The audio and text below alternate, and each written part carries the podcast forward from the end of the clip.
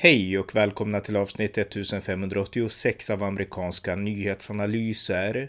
En konservativ podcast med mig, Ronny Berggren, som kan stödjas på swishnummer 070-30 28 95 0. Igår den 14 juni hölls fyllnadsvalet i Texas 34 kongressdistrikt som jag pratade om i poddavsnitt 1575. Republikanen Myra Flores vann under gårdagen stort, så stort att hon på direkten tar över den avhoppade demokraten Philemon Wellas plats i representanthuset. Det är en unik och historisk republikansk seger. Här berättar jag mer. Varmt välkomna! Ja, dags för en uppdatering med en positiv nyhet, åtminstone om man är konservativ. Igår, den 14 juni, hölls nämligen ett fyllnadsval i Texas 34 kongressdistrikt, där kongressmannen Philemon Vella eh, har hoppat av eh, på grund av att han har fått jobb inom den privata sektorn och ett fyllnadsval hölls igår. Och södra Texas, inklusive Texas 34 kongressdistrikt, är djupt historiskt demokratiskt. Republikanerna vinner nästan aldrig och därför var det en historisk seger igår när republikanen Myra Flores vann över sin demokratiska motståndare Dan Sanchez. Och eh, Myra Flores vann med eh, dryga 51 procent mot en Sanchez 43 procent. Så det innebar att det var en ganska tydlig och bestämd seger. Och eh, det här var också ett val där, eh, där det, om, om ingen hade fått 50 procent här så skulle det ha hållits ett runoff-val i augusti mellan de två toppkandidaterna. Det var sammanlagt fyra kandidater som kandiderade. Men eftersom Ira Flores fick 51 procent så eh, innebär det att det blir inget runoff-val utan hon får eh, snarast möjligt ta över eh, avhoppade kongressmannen Philemon Vellas kongressplats i Washington DC. Och som sagt, det är en stor nyhet för Republikanerna. Senaste republikan eh, vann en kongressplats härifrån, eller från det här området. Det var 1871 under, efter rekonstruktionen, alltså för väldigt länge sedan. Så att det är ett djupt demokratiskt fäste som Mara Flores har gjort inbrott i. Och eh, jag tänkte här berätta lite mer om och analysera det. Jag gick ju in på det här i poddavsnitt eh, 1575 från den 2 juni också. Berättade lite om Myra Flores och eh, de republikanska förhoppningarna.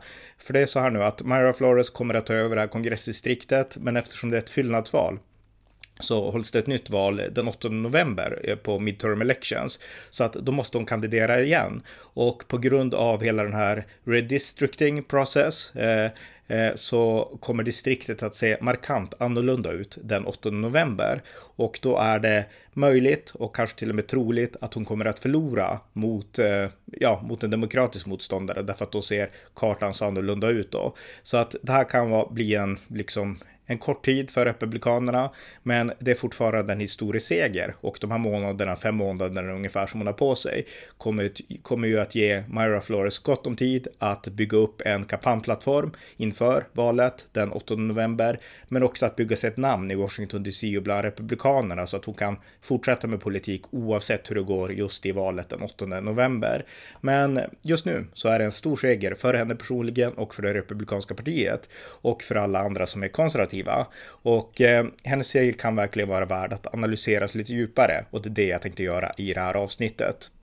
The RGV is under attack. Washington liberal policies are killing our community. Violent crime, human trafficking, and drugs coming across our border.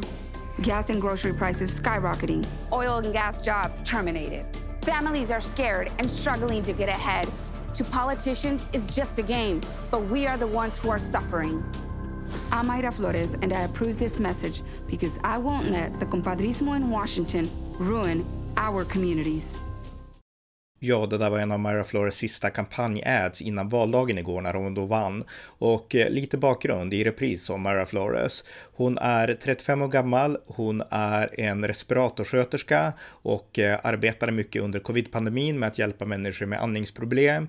Hon har fyra barn och hon är gift med en gränsvakt som vaktar gränsen mot Mexiko. Och eh, hon är starkt konservativ. 2020 så stödde hon Donald Trump och arbetade för en av de, de här pro-Donald Trump-grupperna. Eh, och på ett sätt så gör det henne unik kan man tycka. En eh, latinamerikansk ung kvinna som stöder Trump och som bor i södra Texas i ett djupt demokratiskt fäste. Men om man analyserar den här väljarbilden i Texas och bland det man kan kalla latino community i Texas så har tydliga förändringar synts. Och det gällde inte minst i valet 2020 när Donald Trump ökade med eh, 10% i stödet bland eh, eh, hispanic latinoamerikaner.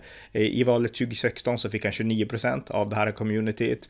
I valet 2020 så fick han 39 procent. Biden vann fortfarande överlag, men eh, Trump bröt in i mängder av olika distrikt och vann ett antal distrikt och han vann distrikt där det var en, där i distrikt där det var över 80 procent eh, latinamerikaner så vann Donald Trump fem av de 18 distrikten, alltså fem av de 18 distrikten i Texas med mer än 80 procent latinamerikaner, där vann han. Och 2016 så vann han inga av de här distrikten. Så att Donald Trump gjorde verkligen ett inbrott i de här i det här communityt.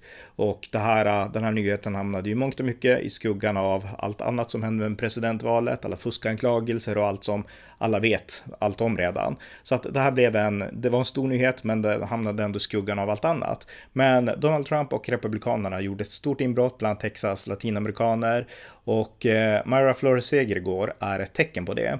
Och orsaken till det här eh, inbrottet då, det berodde på att Donald Trump och Republikanerna talade inte till de här människorna som ett community, alltså som en enhet, att det här är bara latinos eh, på det sätt som Demokraterna ofta gör, utan man pratade om enskilda frågor och man sa att vi stöder oljeindustrin, vi stöder rätten att bära vapen, vi stöder en säker gräns, eh, vi är emot aborter. Det var ungefär det som Republikanerna kampanjade på, kampanjfrågor, det som Donald Trump stod för. Och eh, i det här communityt som är djupt katolskt, i stora delar av det här latinoamerikanska communityt och i synnerhet i de här distrikten i eh, Rio Grande Valley, eh, där så faller de här åsikterna från republikanerna helt i linje med de värderingar som finns. Eh, man är djupa katoliker, stöd för aborter är nästan icke-existerande. Man är helt för rätten att bära vapen, jakt är en del av liksom livet och även rätten till självförsvar och sådär. Eh, väldigt många arbetar också inom oljeindustrin så att man är ju också på så vis eh, väldigt beroende av att oljeindustrin inte motarbetas från Washington DC. Och eh, i en av presidentdebatterna så sa ju Biden att han ville hacka ner på olje och gasindustrin i Texas inte minst. Och då sa Donald Trump, hör ni det Texas, vad han säger, sa han under debatten då. Så att Trump visste vart han skulle plocka poäng. Och eh, det fanns att plocka här i det här eh, communityt. Och även i fråga om gränssäkerhet. Jag har läst nu lite artiklar och från Demokraternas centrala håll då i Washington DC där väldigt många är liberaler och associerar hispanics latinos med Alexandria Ocasio-Cortez, då tänker man på Trump som är rasist, att han pratar om att Mexico is not sending their best och så vidare. Eh, men inga i det här distriktet och i det, i det här community i, i Rio Grande Valley, de eh, på något sätt identifiera sig själva med de kriminella som Trump pekar ut, utan de tänker att Trump menade ju inte oss, utan vi är amerikaner, utan han menade de som kommer hit illegalt, korsar gränsen, de som kommer hit för att leva på bidrag och eh, gör illegala saker. Det är de man menar och de är vi också emot, menar det här communityt, därför att vi, det är vi som upplever osäkerheten. Det är vi som drabbas av allt. Våra makar och även våra fruar arbetar som gränsvakter, så vi ser det här på nära håll hela tiden. Och demokraterna i Washington DC, de förstår inte det. Alexandra Ocasio-Cortez, hon kanske ser ut som latinamerikanska, men hon har in, inget gemensamt med våra värderingar eller vi som faktiskt lever i communityt, vilket hon inte gör. Så att eh, det finns en helt annan värld här nere lite grann. Och just de här eh, som bor i de här områdena i Texas, de kallas Tejanos. Och eh, ordet Texas, det kommer från det spanska ordet Tejas. Och eh, Texas tillhörde ursprungligen Mexiko fram till det mexikanska-amerikanska kriget 1846.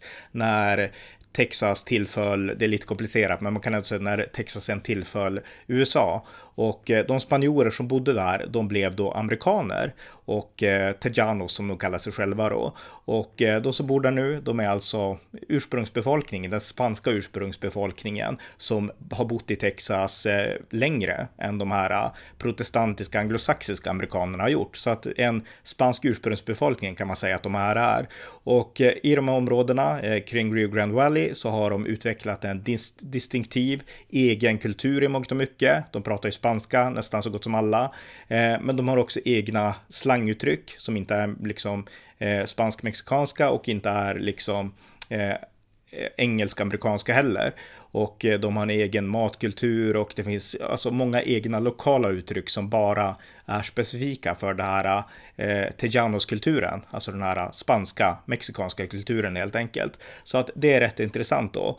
Och Myra Flores, hon är inte född i den här kulturen, utan hon eh, kom till Texas som sexåring. Hennes föräldrar invandrade legalt, men hon har blivit nu ett ansikte både för den här kulturen och för det republikanska partiet och eh, en viktig röst, inte minst då för republikanerna, en ung eh, kvinna, latinamerikanska, som har tydligt republikanska värderingar. Och eh, vi kan säga att hennes kampanjslogan inför det här eh, fyllnadsvalet igår, det var Make America Godly Again. Make America Godly Again. Och eh, när de vann då efter segern igår så twittrade hon att eh, den här historiska segern kommer att föra Gud tillbaka till kongressens hallar. Och den här segern är en seger för folket som har blivit ignorerade så länge. Sen fortsätter hon skriva om eh, en röd våg, en republikansk våg då som sveper över Texas. Så att eh, här har vi alltså en person, en ung latinamerikansk kvinna med Tejano-kultur, med starka, tydliga konservativa värderingar, eh, tydligt associerad med republikanska partiet, trots att hon ändå har växt upp i ett område av USA, av Texas, som historiskt har varit och fortfarande är djupt demokratiskt. Så att det återstår att se om hon kan vinna igen den 8 november. Jag menar, det här är en ny rörelse, vi ska komma ihåg det. Eh, det är fortfarande ett stort community där som av ren tradition röstar på Demokraterna och eh, Demokraterna kanske lär sig en läxa nu, att man inte kan ta de här för givna, att man måste börja skräddarsy sina budskap och prata om liksom de frågor frågor som engagerar de här människorna som bor här och inte bara prata om dem som ett latinamerikanskt community och att Donald Trump är rasist, eh, utan vara lite mer liksom finkänslig och eh, finkalibrerande och sådär. Så att det kan ju hända att hon förlorar på grund av att Demokraterna inser att det här kan vi inte ta för givet längre. Men oavsett vad som än händer den 8 november i höst så har Myra Flores visat att eh, Republikanerna har nu fått ett insteg i de här områdena på riktigt. Det var inte bara Trump segrar i distrikten utan har man egna republikanska kandidater som bevisar att de kan vinna i de här djupt demokratiska festerna. Så att från och med nu kommer ju republikanerna börja fightas om de här områdena och eh, det ska bli oerhört intressant att se och följa och det här är ju en stor positiv nyhet om man är konservativ. Så att eh, jag är väldigt glad över att jag upptäckte Myra Flores och över att jag kunde uppmärksamma henne så här i de här poddarna för er som lyssnar. Så att eh, det var allt för den här gången. En stor republikansk seger i Texas 34 kongressdistrikt. Ni har lyssnat till amerikanska nyhetsanalyser där jag vill mana er som har möjlighet att skänka en slant till valfri organisation som bistår Ukraina i dessa krigstider. Ni som vill stödja amerikanska nyhetsanalyser kan emellertid göra det på swishnummer 070-30 28 95 0. Det var allt för denna gång. Tack för att ni har lyssnat.